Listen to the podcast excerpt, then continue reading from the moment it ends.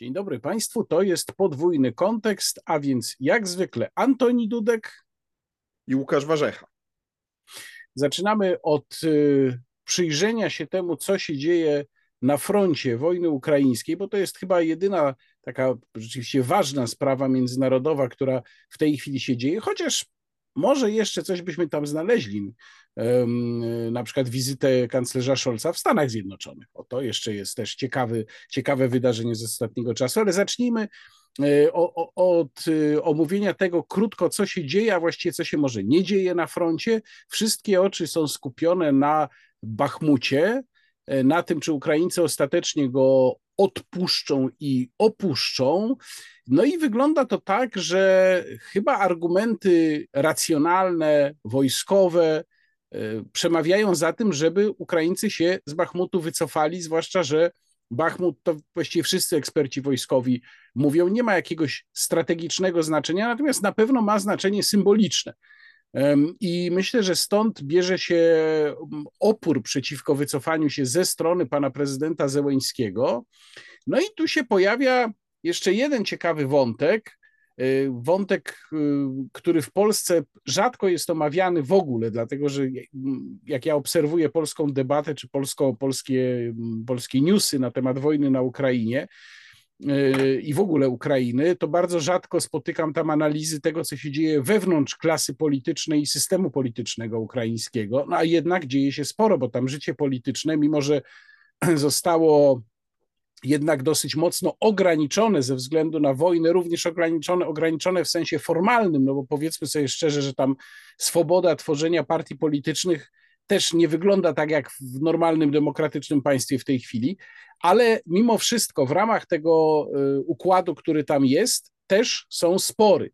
No i tutaj, jak się okazuje, jest spór, E, o którym się, jak mówię, w Polsce mało mówi, pomiędzy panem prezydentem Zełeńskim a głównodowodzącym Walerijem Załużnym, głównodowodzącym wojsk ukraińskich, który to Załużny, generał Załużny najprawdopodobniej według informacji chciałby wycofania się Ukrainy z Bachmutu, no bo nie ma sensu tracenie życia i sił na obronę miasta, które strategicznie, nawet chyba taktycznie niewiele znaczy.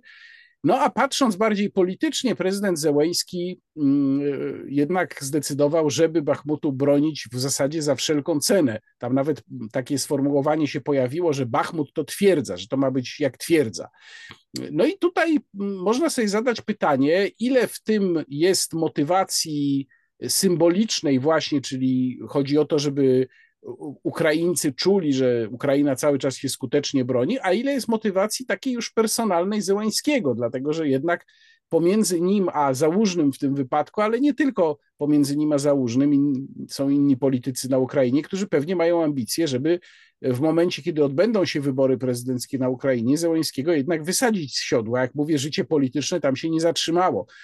E, a e, mówiąc o tym, przypominam sobie, że w przeszłości, no to już dobrych parę miesięcy temu, zdarzały się sytuacje, kiedy przebijały się również do mm, polskiej infosfery e, komentarze części ukraińskich mediów czy, czy, czy polityków, mówiące o tym, że prezydent Zełęński no, nie zadbał wystarczająco mocno o niektórych, przynajmniej niektórych żołnierzy ukraińskich, że właśnie naraził ich życie. To dotyczyło między innymi obrony Azowstalu. I tam te, te oskarżenia padały dosyć mocno. E, no więc tutaj jest właśnie pytanie, czy nie mamy do czynienia z jakimś wstępem już do, do próby późniejszego powojennego rozdania politycznego na Ukrainie?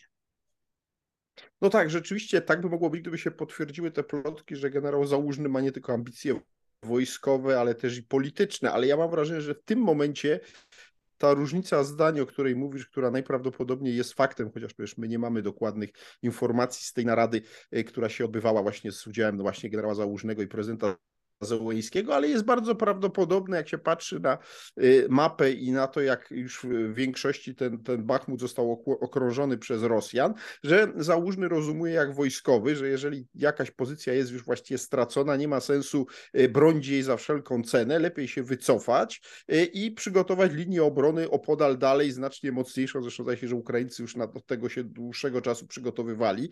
Natomiast oczywiście Zełeński myśli jak polityk symbolicznie, chce mieć właśnie taki symbol niezłomnego oporu Ukraińców i moim zdaniem y, przez czas jakiś jeszcze pewnie y, Załóżny będzie próbował ten rozkaz prezydenta, do którego nie ma przekonania, realizować. Natomiast jest pytanie o drugą stronę, bo Rosjanie też sprawę Bachmutu traktują niezwykle prestiżowo i właściwie tego samego dnia, kiedy pojawiły się te informacje o tej różnicy zdań po stronie ukraińskiej, wystąpił y, człowiek, który stworzył grupę Wagnera, czyli pan Prigorzyn, czyli ten, można powiedzieć, dowódca armii najemników, która walczy równolegle z armią rosyjską i właściwie główna część oblężenia e, Bachmutu, z tego co ja rozumiem, to jest dzieło właśnie e, grupy Wagnera, który wystąpił z wypowiedzią bardzo, powiedziałbym, stanowczą, chyba najostrzejszą od początku tej fazy wojny, czyli od ponad roku, z oskarżeniami pod adresem, no najkrócej mówiąc, Kremla, że on tutaj nie ma wystarczającego wsparcia, jeśli chodzi o amunicję. Czyli mówiąc inaczej, e, no, że on może by ten Bachmut już zdobył, ale mu Moskwa zalega e, z amunicją, a może i, z czym innym jeszcze, czyli z ludźmi czy z pieniędzmi. No w każdym razie widać, że po drugiej stronie też zaczyna być odczuwalne zmęczenie i pewien kryzys. Skoro no, człowiek, który można powiedzieć jest takim psem wojny i powinien się cieszyć, że ta wojna się tak rozkręca, to wy, wy, wyraża taką irytację. Czyli inaczej mówiąc, widać syndrom zmęczenia obu stron.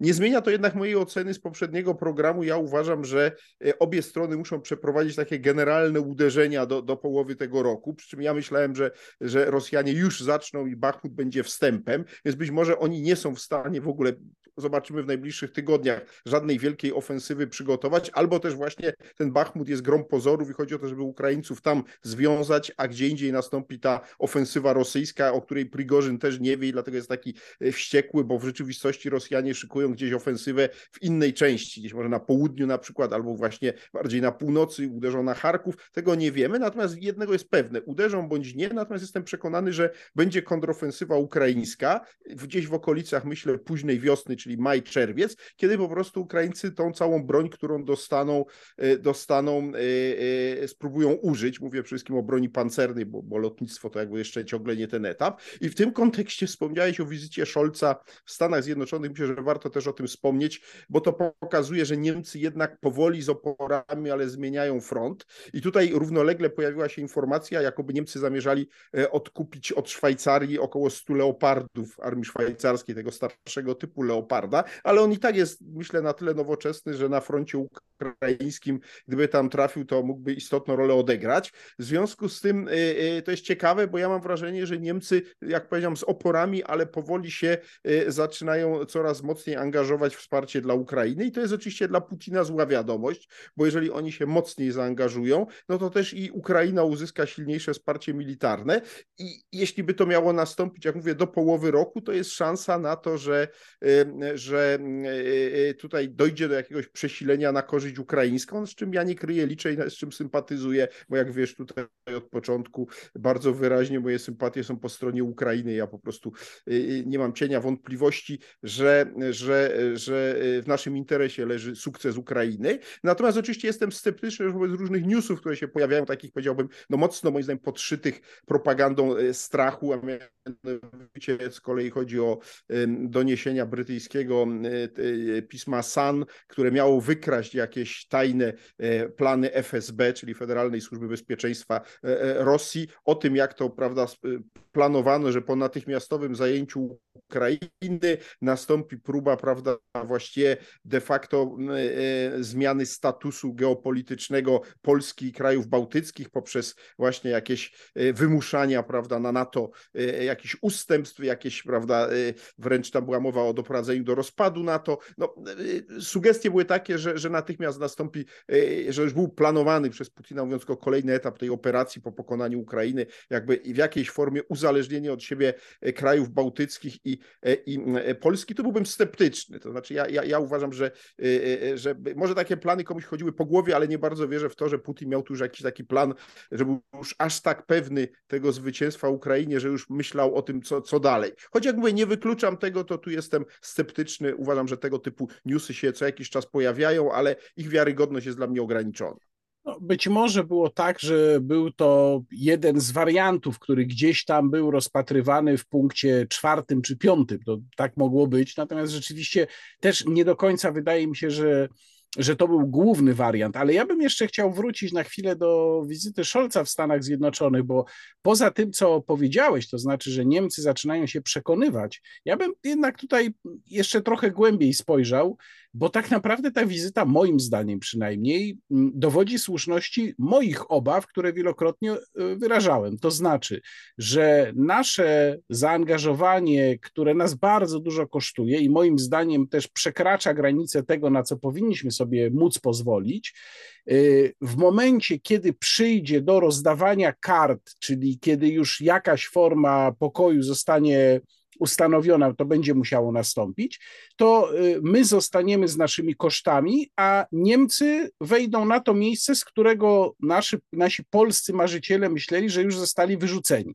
Czyli to Niemcy będą się głównie liczyli i mam wrażenie, że ta, y, to spotkanie Scholza z Bidenem było początkiem tej drogi. I w ogóle ta zmiana niemiecka to jest powoli przeorientowywanie się na ten nowy układ, czyli Niemcy wchodzą mocno ze swoją gospodarką i ze swoimi pieniędzmi na Ukrainę po zakończeniu działań wojskowych. Jest błogosławieństwo Waszyngtonu, żeby to zrobili.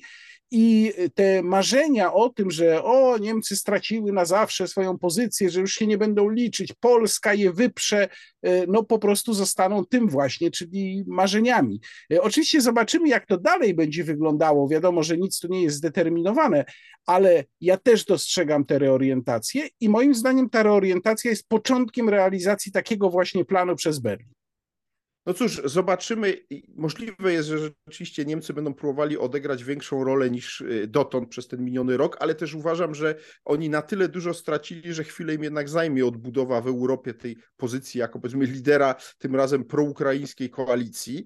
Y, także ja bym tutaj tych obaw na razie nie miał. Przede wszystkim najistotniejsze jest, że na razie nie widać tam rozejmu, bo ten problem, o którym mówisz, się przede wszystkim pojawi w momencie, w którym rzeczywiście zostanie w miarę trwały rozejm, bo ja w układ pokojowy to w ogóle wdający chcący się przewidzieć przyszłości nie wierzę. Natomiast załóżmy, że dojdzie do rozejmu i rzeczywiście zacznie się najkrócej mówiąc odbudowa Ukrainy. Odbudowa Ukrainy to jest coś, co rzeczywiście będzie dla bardzo wielu firm y, z całej Europy i nie tylko z Europy, no bardzo intratne. Pytanie, kto to będzie finansował, podejrzewam, że Amerykanie. No i wtedy rzeczywiście to może być okazja dla niemieckich firm, ale może też być dla polskich. Ja nie uważam, że to jest z góry przesądzone, kto tą rywalizację wygra. Wtedy nasi politycy będą się mogli wykazać właśnie, czy ten sojusz polsko-ukraiński, który tak tak tworzyli z mozołem, mówię o politykach PiSu, y, to rzeczywiście y, y, zaprocentuje, czy też nie, czy się okaże po prostu pewną ułudą, to dopiero czas o tym przesądzi. Natomiast w tej chwili politycy PiSu mają trochę inny problem, muszą się utrzymać przy władzy, czyli wygrać jesienne wybory i tutaj no,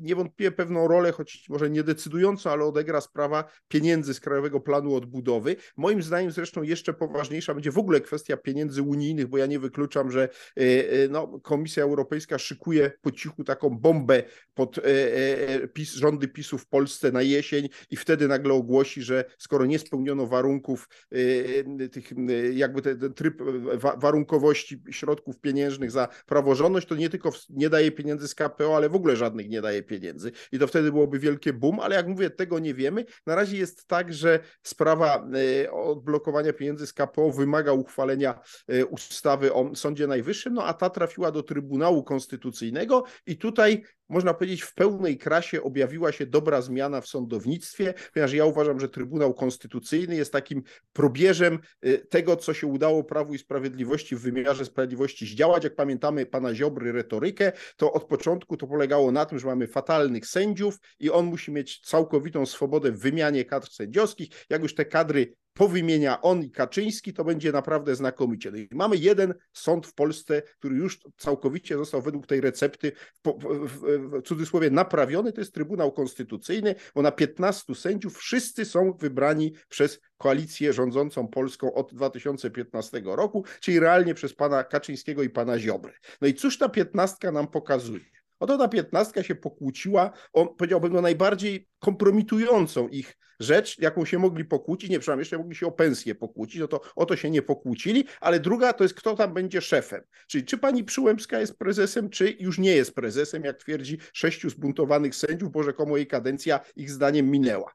No i cóż się dzieje? No cóż się dzieje? No dzieje się rzecz kompromitująca, bo sześciu sędziów jakby odmawia orzekania z pozostałą e, dziewiątką, no i teraz zaczyna się tam rozgrywka, która moim zdaniem nie jest rozgrywką tylko między Julią Przyłębską a panem Święczkowskim, który jest, można powiedzieć, przywódcą tej grupy e, przeciwko pani Przyłębskiej, czyli buntowniczej, tak ją nazwijmy. W rzeczywistości ja odnoszę wrażenie, że mamy tu do czynienia z elementem rozgrywki między Zbigniewem Ziobrą, którego Święczkowski był przez lata prawą ręką, a prezesem Kaczyńskim w kontekście tych negocjacji koalicyjnych i wspólnych list wyborczych. Dlaczego tak uważam? No bo Cóż się dzieje? Do pewnego momentu ta grupa rzeczywiście sześciu e, sędziów właśnie kompletnie zablokowała Trybunał, ale na pewnym etapie pani Przyłębska podjęła decyzję, że trzeba e, jakoś rozstrzygnąć sprawę swojej kadencji. No i żeby to e, rozstrzygnąć, zwołała zgromadzenie ogólne sędziów, które było w ubiegłym tygodniu. I teraz tak, żeby ono było legalne, to musi być dwie trzecie sędziów obecnych. Dwie trzecie od 15 to jest 10. W związku z tym z tej zbuntowanej szóstki przyszedł na posiedzenie pan Święczkowski, dzięki czemu ono było formalnie legalne i orzekło, że pani e, Przyłębska jest e, prezesem. Szkopuł w tym, że w tym głosowaniu już nie wziął udziału pan Święczkowski. Co to znaczy? To znaczy, to jest na takiej zasadzie. Przyszedłem w akcie dobrej woli, ale pod warunkiem, że wy też w czymś ustąpicie. Skoro wy nie ustąpiliście, to w takim razie ja nie biorę udziału w głosowaniu. I teraz jaki jest finał tego? Znowu ta grupa sześciu może twierdzić, że e, Przyłębska jest nielegalnym prezesem, skoro ja tylko tutaj, przepraszam, uzupełnię, będzie twierdzić, że jest legalnym. Uzupełnię tylko o jeden szczegół, bo pan Święczkowski potem twierdził, nie, nie wiem, czy to było oficjalne, czy to tak twierdził tylko do zaprzyjaźnionych dziennikarzy, że on owszem przyszedł, ale on był zaskoczony tym, że taka uchwała tam była zaproponowana, on się tego nie spodziewał i w związku właśnie z tym, że się nie spodziewał, to nie wziął udziału w głosowaniu. No, ja to interpretuję inaczej, że to była jakaś próba e, zawarcia kompromisu, która na pewnym etapie może została zerwana, bo w ostatniej chwili na przykład pan Święczkowski dostał od Ziobry informację, że nie ma postępu i że został wciągnięty w pułapkę, bo na przykład go zaproszono, a tam już pan prezes Kaczyński miał coś podpisać, po czym Kaczyński nie podpisał, więc Ziobro zadzwonił do pana Święczkowskiego i e, tak to mogło być. Oczywiście to jest moja czysta hipoteza. Jedno jest pewne, pad w Trybunale trwa dalej i jeżeli ta grupa sześciu zbuntowanych nie zechce orzekać w tak zwanym pełnym pełnym składzie, to żadnego orzeczenia Trybunał w sprawie e, ustawy o Sądzie Najwyższym nie wyda, czyli sprawa, sprawa będzie w zawieszeniu e, przez miesiące najbliższe, a e, Komisja Europejska będzie twierdziła, problem jest nierozwiązany i pieniędzy nie ma i nie będzie. No i w związku z tym to jest przykład problemów, jakie ma obóz władzy, a oczywiście praźródłem jest moim zdaniem to niedogadanie się pana Ziobry z panem Kaczyńskim i to wszystko jest gdzieś tam w zamrożeniu. Zapewne oni się kiedyś w końcu dogadają, ale myślę, że jeszcze nas czeka wiele powiedziałbym, no, burzliwych wydarzeń. Natomiast ale mamy też warto, problemy po drugiej to, stronie. Czy tak, a to... tutaj, tak, ale to, tutaj jeszcze ja dwa słowa na ten temat, bo y, po pierwsze można jednak tak. złośliwie zauważyć, że pan prezydent, który jest poniekąd praźródłem tych problemów, bo przecież on w grudniu 2015 roku e, dopuścił do, pamiętamy to nocne, nocne zaprzysięganie e, sędziów Trybunału Konstytucyjnego, czyli dopuścił do tej sytuacji. Teraz z pewną irytacją stwierdził, że jak się Trybunał pokłócił, to niech się odkłóci, co oczywiście łatwo powiedzieć, ale znacznie trudniej zrobić. Druga sprawa jest taka, że cała ta, całe to założenie na temat KPO jest wielopiętrowe i odblokowanie, czy przejście jednego piętra, żeby już się trzymać tej alegorii piętrowości, wcale nie oznacza, że się dojdzie na samą górę. No bo w tej chwili mamy ustawę o Sądzie Najwyższym w Trybunale Konstytucyjnym, ale absolutnie nie ma pewności, że ta ustawa zostałaby zaakceptowana przez Komisję Europejską, czy przez to ten tajemniczy jakiś kolecz, który ocenia, czy zostało, został wykonany kamień milowy, czy nie został. Równie dobrze można sobie wyobrazić sytuację, że dużym wysiłkiem politycznym dochodzi do jakiegoś porozumienia w Trybunale, w związku z czym Trybunał w końcu się zabiera za orzekanie w tych sprawach, gdzie jest potrzebny większy skład sędziowski, orzeka w sprawie ustawy o Sądzie Najwyższym, ona w związku z tym no, wchodzi w życie, bo przecież bez tego nie wejdzie w życie, a Komisja Europejska mówi, no wszystko fajnie, no, ale tutaj w tym punkcie wciąż jeszcze to nie jest to, czego my oczekujemy i pieniędzy w związku z tym nadal nie ma, więc i, i taka sytuacja jest tutaj możliwa. Natomiast na pewno warto zwrócić uwagę na grę pomiędzy Solidarną Polską a Prawem i Sprawiedliwością. Ja mam takie wrażenie i ciekaw jestem, czy się ze mną zgodzisz, bo to jest oczywiście właśnie tylko to, czyli tylko wrażenie. Nie jestem w stanie tutaj na przykład jakichś liczbowych rachunków, wypowiedzi przedstawicieli Solidarnej Polski przedstawić, ale mam wrażenie, że spadła liczba publicznych krytyk polityków Solidarnej Polski pod adresem Mateusza Morawieckiego i Prawa i Sprawiedliwości w ogóle. W tych sprawach, które zawsze były bardzo e, dobrym gruntem, żeby te krytyki przeprowadzać, nagle politycy Solidarnej Polski jakby są znacznie cichsi. I tu podam tylko jeden przykład, ale bardzo ważny z punktu widzenia polskiego interesu. E, uprawnienia do emisji CO2 ostatnio zaczęły przebijać już psychologiczną barierę 100 euro za tonę. To jest gigantyczna cena, która oznacza oczywiście ogromne koszty dla polskiej gospodarki. I przecież kilka miesięcy wstecz Solidarna Polska zaprezentowała taki projekt e, no, wyjścia, zawieszenia tego systemu po polskiej stronie. Wydawałoby się, że przy tak wysokich cenach politycy Solidarnej Polski będą o tym przypominać, będą mówić, że to PiS nic nie zrobił, że to nas mnóstwo kosztuje, ale ja jakoś, prawdę mówiąc, nic takiego nie słyszę. Nie wiem, no, czy ja podzielasz moją, moje spostrzeżenia. Tak, ja też mam wrażenie, że nie śledzę akurat tego, tego wątku aż tak szczegółowo, ale ogólny obraz, o którym powiedziałeś, że w ostatnich tygodniach politycy Solidarnej Polski złagodzili swoją krytykę swojego koalicjanta, czyli Prawa i Sprawiedliwości, potwierdzam, co właśnie uzasadniałoby, dlaczego Bogdan Święczkowski przyszedł na to posiedzenie i już prawie był gotów podnieść rękę za, chociaż pani Przyłębskiej nie lubi, chciałby zająć jej miejsce za to, żeby ona już była tym prezesem, po czym być może właśnie dostał sygnał, że jednak nie, że ta od, ogólna atmosfera ocieplenia nie doprowadziła do spodziewanego finału, nie podpisano. Y, dlaczego ja tak uważam, że to tak wygląda? Bo jak sobie przypominasz y, okoliczności, jak pan Święczkowski był wybierany na sędziego Trybunału, to ten też, jak go wybierano w Sejmie, to tam pewne rzeczy były załatwione załatwiane w ten sposób, że najpierw właśnie jego wybrano, a dopiero później posłowie Solidarnej Polski poparli pewne rozstrzygnięcia inne, na którym PiSowi zależało. Więc to nie jest też przypadek, tutaj mamy cały czas do czynienia z handlem wymiennym po prostu i tutaj nie ma zagroż zaufania i dlatego mówię, konflikt w Trybunale zostanie wygaszony dopiero wtedy, kiedy ostatecznie y, prawdopodobnie listy wspólne y, Solidarnej Polski i, PiSu zostaną zarejestrowane y, listy wyborcze i to będzie ten moment, kiedy już będzie jasne, że na pewno obie strony idą razem w wyborach. Natomiast na pewno już będzie wtedy za późno, żeby y, odzyskać jakiekolwiek pieniądze, co ja i tak od dłuższego czasu już nie wierzyłem z Brukseli, bo jak słusznie powiedziałeś, to nie jest jedyna sprawa, jest ich więcej. No więc oczywiście obóz władzy ma swoje problemy, ale chcę też powiedzieć, że jak patrzę ostatnio na sondaże PiSu, to jest lepiej niż sądziłem, że będzie u schyłku zimy i na po, prze, przedwiośniu tak zwanym. To znaczy sądziłem, że jednak PiS będzie bardziej poobijany, wychodził z y, no, najkrótszej najkrócej mówiąc, fali drożyzny, która cały czas szaleje i tych wszystkich problemów z węglem na czele, który się udało jakoś ostatecznie PiSowi zamieść pod dywan. E, dlaczego? No dlatego, że ta druga strona, mówię teraz o opozycji, no ciągle ma problemy z pokazaniem czegoś e, przekonującego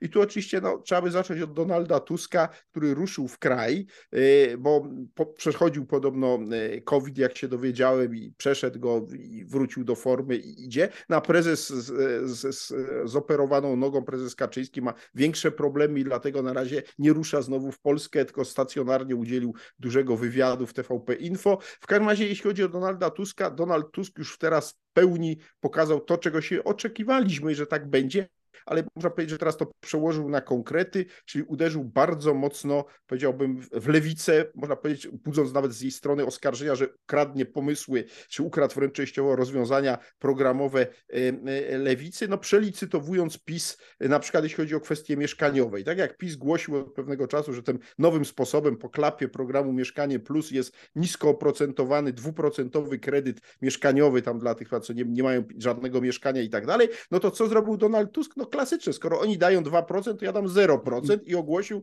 0% bardzo nieoprocentowany w ogóle kredyt mieszkaniowy. Ja teraz tylko czekam, aż ktoś jeszcze pójdzie dalej i zaproponuje e, po prostu kredyt, którego będzie z ujemnym oprocentowaniem, czyli wiesz, będzie no nie, prze, przepraszam cię, Antoni, wszystko przed nami, ale, wiesz. No. Przepraszam cię, ale poszedł dalej, poszedł dalej pan y, Kołodziejczak sprzymierzony z panią Sroką, czyli jak to przeczytałem, bardzo mi się to określenie spodobało, y, duet egzotyczny, porozumienie plus agrounia, pan Kołodziejczak powiedział, że niech duzi deweloperzy, nie wiem jak on dużego dewelopera definiuje, ale to już tam zostawmy, duzi deweloperzy niech oddają 20% tego, co zbudują, czyli no masz jeszcze krok dalej.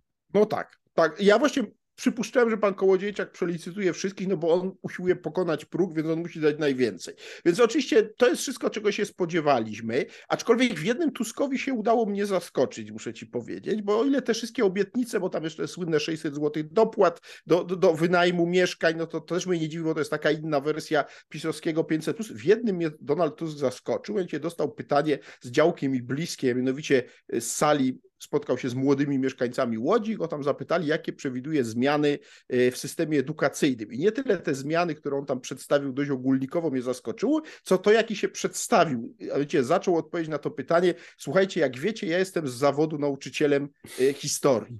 I muszę powiedzieć, że to stwierdzenie, autodefinicja Tuska jako nauczyciela historii, że to jest jego wykształcenie zawodowe. Oczywiście on jest absolwentem studiów historycznych na Uniwersytecie Gdańskim i prawdopodobnie w czasie studiów odbywał praktyki szkolne, więc był w szkole, ale z tego co ja wiem, przynajmniej po roku 89 nigdy Donald Tusk się nie zhańbił pracą e, w szkole jako nauczyciel, więc mówienie o sobie, że jest z zawodu nauczycielem historii i miałbym odnoszenie jakichś swoich rzekomych doświadczeń zawodowych do tego, jak będzie naprawiał system edukacyjny jest przekomiczne, no ale jemu to nie przeszkadza. On uważa, że nie takie rzeczy ludzie łyknęli, więc mogą łyknąć też, że on jest poza tym nauczycielem historii. Do czego zmierzam? Znaczy do tego, że e, Tusk się rozkręca, powiedziałbym, w takich, e, powiedziałbym, no, obietnicach i, i różnego rodzaju dziwnych wypowiedziach i myślę, że nam jeszcze ich wiele dostarczy. No i wszystkim powinniśmy powiedzieć o jego programie Cela Plus, bo program Cela Plus, można powiedzieć, byłby strzałem w dziesiątkę, Gdyby nie to, że zaczął go realizować prezes Kaczyński i, i, i minister Ziobro, y, czego dowodem jest sprawa y, no jednak ministra, ważnego ministra z rządu Tuska, Włodzimierza Karpińskiego, który jak wiemy to, że zostały mu zarzuty postawione przez prokuraturę, to można by powiedzieć, że to są prokuratura Ziobry, jest niewiarygodna, to, że go zatrzymano i, i, i y, prawda, to to oczywiście dzieło służb też pod kontrolą PiSu, no ale już niezawisły sąd po, po, najwyraźniej podzielił zarzuty sformułowane przynajmniej częściowo pod adresem Karpińskiego, bo zdecydował się na jego trzymiesięczny areszt. I tu się sprawa robi poważna, a jak ona jest poważna, to mogłem widzieć ostatnio, kiedy e, e, słuchałem Rafała Trzaskowskiego, bo przypomnijmy tym słabym zorientowanym naszym widzom, że dawno, dawno temu Włodzimierz Karpiński był ministrem w rządzie Tuska, a całkiem niedawno, bo do, do, do właśnie dnia aresztowania, był jak najbardziej czynnym sekretarzem miasta stołecznego Warszawy, czyli jednym z najważniejszych najważniejszych współpracowników Rafała Trzaskowskiego. I tu się robi problem, i z wypowiedzi Rafała Trzaskowskiego, y, właśnie którego pytano o to, no, trudno było wykrzesać takie głębokie przekonanie, że on jest absolutnie przekonany o absolutnej niewinności pana Karpińskiego. Oczywiście on go bronił, że oczywiście wierzy w jego uczciwość, no bo cóż miał powiedzieć? No nie mógł powiedzieć, prawda, że podejrzewa, że Karpiński może nie do końca jest czysty, bo gdyby tak było, no to by się zapytał, no to jak pan go trzymałeś jako sekretarza miasta? Więc tutaj, ale widać było po minie Trzaskowskiego, że ta sprawa nie jest dla niego sympatyczna i najkrócej najkrócej mówiąc, to może być to bardzo mocne uderzenie PiSu w Platformę Obywatelską właśnie przez osobę Karpińskiego. I to można powiedzieć piecze się dwie pieczenie na jednym ogniu, bo bije się i w Tuska i w Trzaskowskiego, a ponieważ ja uważam, że Trzaskowski jest dla PiSu w sumie groźniejszy od Tuska, już to uzasadniałem, nie chcę tego rozwijać po raz kolejny, to z tego punktu widzenia postać Karpińskiego może być jedną z głównych tematów kampanii wyborczej, o ile oczywiście za trzy miesiące sąd przedłuży Karpińskiemu areszt, bo nie sądzę, żeby się ten proces Karpińskiego zaczął jeszcze w tym roku. To byłby jakiś rekord w ogóle, jeśli chodzi o nasz wymiar sprawiedliwości. No ale w razie ta sprawa będzie niewątpliwie przez PiS chyba jeszcze bardziej niż owe słynne robaki, które oczywiście też są ciągle tematem propagandy pisowskiej, wykorzystywana do, do walenia przez, przez e, właśnie Prawo i Sprawiedliwość e, Platformę Obywatelską. Więc to jest uważam bardzo poważne wydarzenie. Od momentu jak sąd podjął decyzję rzeczywiście, żeby ten trzymiesięczny e, Karpińskiemu areszt dać, tym bardziej, że parę tygodni wcześniej ten sam sąd podjął też decyzję o tym, żeby dać trzymiesięczny areszt dla bliskiego współpracownika niegdyś pana Karpińskiego, pana wiceministra skarbu Baniaka, e, który jest po tym, jak prawda, przestał być e, e, prawda, w rządzie, zajął się biznesem śmieciowym, no i wreszcie jeden biznesmen od śmieci wszedł w jakieś ewidentnie kontakty biznesowe z panem Karpińskim, efektem czego są te aresztowania i, i ta sprawa, no, mówię, moim zdaniem ona jest bardzo rozwojowa i można powiedzieć, że to jest dla PiSu taki, jeśli by to się udało jeszcze przekuć teraz w konkretne szczegóły, tam się mówi o łapówce 5 milionów złotych, więc jak się za chwilę okaże, że gdzieś odkryto te 5 milionów, tak jak to w przypadku Sławomira Nowaka, gdzieś tam w jakiejś skrytce, no to to byłoby dla PiSu rzeczywiście no, fantastyczna amunicja, żeby, żeby e, bić, bić w platformę w ciągu najbliższych tygodni i miesięcy to ja tutaj trochę jednak z Tobą wejdę w polemikę. Po pierwsze, dlatego, że tego typu spraw, może y, trochę mniejszego kalibru niż ta, to znaczy bez aresztu, ale tego typu spraw jednak trochę już było. Ja mam bardzo poważne wątpliwości, czy nawet sprawa z y, politykiem Platformy, byłym ministrem skarbu, do niedawna właśnie, właściwie do momentu rzeczywiście aresztowania czy zatrzymania sekretarzem miasta, czy to ma jakikolwiek potencjał żeby wpłynąć na wynik wyborów. Y, na pewno elektoraty, te, które są zdecydowane, są tak zabetonowane, że one będą interpretowały to wydarzenie tak, jak im jest wygodnie, tu się nic nie zmieni. Jedyne, jedyna część elektoratu, którą, o którą można by powalczyć poprzez takie wydarzenie, to są ci, którzy mogą zostać w domu. E, no bo wiadomo, że raczej transferów nie będzie pomiędzy Platformą i Prawem i Sprawiedliwością. Mogą być pomiędzy Platformą, a na przykład ruchem Hołowni pod wpływem takiego zdarzenia, być może, ale raczej bym odbierał to w ten sposób, że to jest namawianie tych, którzy i tak nie zagłosują na PiS, żeby w ogóle nie poszli zagłosować. No, chcieli na Platformę, ale może się zrażą. Tylko, że tutaj też mam wątpliwości, czy to będzie miało jakikolwiek poważniejszy wpływ. Mam wrażenie, że większy wpływ mogą mieć te sprawy proste, jasne, takie właśnie czyli jak robaki. te robaki, czyli robaki, tak, już tu nie wchodzę teraz w, w, detale tego, e, czy to jest zasadne, niezasadne, gdzie to się pojawiło, ale mam wrażenie, że to ma dużo mm, większy potencjał. I poza tym jest jeszcze jedna sprawa, to znaczy Trzeba by się poprzyglądać jeszcze, jak będzie się do tej kwestii ustosunkowywał e, Donald Tusk. Natomiast ja mam wrażenie, że Donald Tusk nie miałby kompletnie nic przeciwko temu, gdyby problemy dotknęły Rafała Trzaskowskiego. Oczywiście będzie kłopot, jeżeli PiS będzie próbowało wykazać, że działania e, pana ministra e, Karpińskiego mogły być, o nich mógł w jakiś sposób wiedzieć sam Tusk. No to na pewno będą próbowali przykleić ale to bardziej, to Ale to bardziej, bardziej by wypadało, żeby wiedział Trzaskowski, no bo jednak Tusk no nie zajmuje no się właśnie. miastem Warszawą i śmieciami w mieście Warszawie, a, a Trzaskowski a no, obrzydzeniem, ale musi się śmieciami zajmować. No. A no właśnie i dlatego ja bym stawiał taką tezę, że Tusk nie będzie się specjalnie angażował w e, obronę pana K, nie wiem, czy można to nazwisko mówić, czy nie można. Nie, można, bo, bo on się zgodził. Ja dlatego używam zgodził. konsekwentnie, bo on się więc, zgodził. No i więc będzie można. Tak, więc y, y, Donald Tusk myślę, że nie będzie się za bardzo angażował w jego obronę, a nawet bym nie wykluczał, ale to już by trzeba obserwować uważnie bardzo wypowiedzi Donalda Tuska, że być może padnie jakaś taka sugestia, że no to jest jednak odpowiedzialność Rafała, to on powinien wiedzieć, to nie jest moja sprawa i tak dalej, i tak dalej. Jeżeli ale na, razie, ale na razie bardziej gorąco chcę ci powiedzieć, to właśnie Tusk bronił Karpińskiego niż Trzaskowski, co mnie zaskoczyło, bo ja się spodziewałem, że obrona ze strony Trzaskowskiego, no właśnie z tego powodu, że to jest jego sekretarz miasta, jego miasta, jego właściwie zastępca, że go, i to nie sprzed lat, tylko obecny, że go będzie bronił bardziej gorliwie niż Tusk, a właśnie Tusk mógł powiedzieć, a to był taki pan, którym tam rzeczywiście byliśmy w rządzie, ale kiedy to było, ho, ho, ho, ho, to więc tutaj nie, więc to jest bardzo ciekawe, widać, że, że, że Być może Tusk będzie inne. to chciał wykorzystać do, do stworzenia tej narracji, że y, są już polityczne areszty w Polsce, że PiS idzie na całość, że zamyka tak, tak niewinnych tak, ludzi. Tak, tak. Może do tego mu to jest potrzebne, ale też zobaczymy do którego momentu, bo y, no jednak, y, jak słusznie zauważyłeś, jeżeli sąd się godzi na wniosek aresztowy, czy z wnioskiem aresztowym prokuratury, to znaczy, że musi mieć do tego podstawy. Oczywiście to nie jest to samo, co kwestia potem wyroku, wiadomo. To jest areszt, to jest środek zapobiegawczy, areszt tymczasowy, ale mimo wszystko pokazuje to, że tam no, coś poważniejszego musi być. Tak, zdecydowanie tak. Y, I dlatego mówię, gdy do, do czasu decyzji sądu traktowałem to sprawę jako no, dentą, dlatego że no, mieliśmy wcześniej takie aresztowania, choćby pana Wituckiego i innych osób wcześniej, które były rzeczywiście przedstawiane w mediach jednego dnia jako wielki sukces, prawda, CBA czy innych służb, prawda, i oczyszczanie państwa, po czym nazajutrz następowała decyzja sądu i ci ludzie byli zwalniani. Ewidentnie to, co tam przedstawiano tym sędziom y, było nieprzekonujące i zresztą te przykłady od odmienne mnie przekonują, jak bardzo ważna jednak jest ciągle istniejąca w Polsce niezawisłość sądów.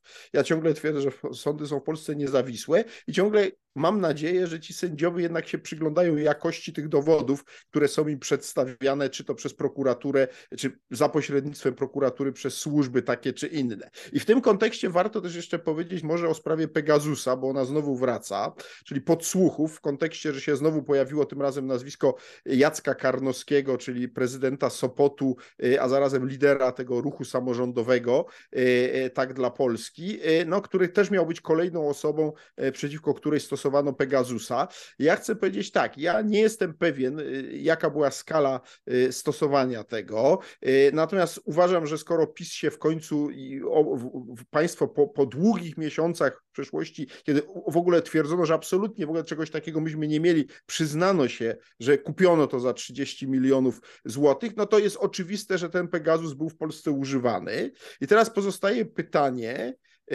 rzeczywiście przeciwko komu E, i na jakich zasadach formalnych i czy dokumentacja na ten temat się zachowa do czasów ewentualnej zmiany władzy, bo moim zdaniem tu obie strony oczywiście starają się tę sprawę wykorzystać, czy będzie opozycja przeciwko PiSowi bardziej, ale PiS no, ewidentnie w moim przekonaniu w przeszłości korzystał z materiału służb specjalnych. Jest pytanie przy kampaniach wyborczych, czy będzie się to w stanie PiSowi udowodnić, bo, bo to jest ta zasadnicza sprawa, dlatego że no, mamy oczywiście fundamentalną sprawę pana Brejzy, który, senatora Brejzy, który był szefem kampanii sejmowej w ubiegło, poprzednich wyborach Platformy, no i teraz Karnowski był szefem kampanii senackiej, tak? To są, to są już naprawdę bardzo poważne sprawy, e, no bo jeżeli by się udało udowodnić, że e, służby specjalne podsłuchiwały e, szefów kampanii głównej partii opozycyjnej, no to w istocie rzeczy mamy do czynienia z gigantycznym skandalem, więc pozostaje pytanie, czy to się da jakoś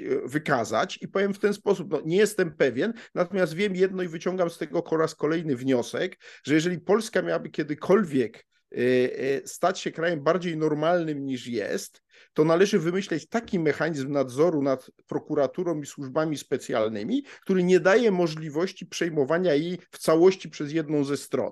Czyli mówiąc krótko, jest potrzebny jakiś element kondominium, tak to nazwijmy, obu stron, czyli obozu rządzącego i opozycji, nad tymi strukturami, ponieważ oddawanie ich w całości jednej stronie tej, która akurat ma większość, grozi różnego rodzaju nadużyciami. No, I mam wrażenie, takie... że pamiętaj, że przecież te sprawy były też w czasach Platformy, e, podsłuchiwania dziennikarzy, przecież to, to wtedy też było bez Pegasusa, no. ale przy pomocy e. innych narzędzi. I co znamienne, PiS tego nie wyjaśnił do końca. I dlaczego no właśnie o tym chciałem powiedzieć. Ja są dwie przecież... możliwości albo, czekaj, ja dokończę ten wątek, znaczy nie wyjaśnił PiS albo dlatego, że dokumentów nie było, bo je zniszczono w służbach, albo też dlatego, że ci sami ludzie ze służb pracowali najpierw dla Platformy, a teraz pracują dla PiSu i robią te same nielegalne rzeczy przy pomocy tych coraz bardziej zaawansowanych narzędzi technologicznych. Tego nie wiem, ale znamienne, że PiS tego nie wyjaśnił. No tak, ja chciałem tylko przypomnieć, że ja teoretycznie przynajmniej, no nie teoretycznie, bo to jest w aktach sprawy, byłem na liście tych dziennikarzy, którzy no być y, kontrolowani i właściwie na jakim etapie ta sprawa się znajduje, to nawet ja sam w tej chwili nie wiem i też jestem tym trochę zawiedziony. Natomiast w krajach e, o trochę może lepiej funkcjonującej demokracji, a tu konkretnie myślę o Stanach Zjednoczonych, afera z podsłuchiwaniem opozycji, czyli afera Watergate, no doprowadziła w końcu do rezygnacji prezydenta Nixona. Jak ktoś chce, to niech zobaczy świetny film Wszyscy ludzie um, prezydenta z Robertem Redfordem i Dustinem Hoffmanem, zdaje się, jeśli dobrze tak, pamiętam, tak.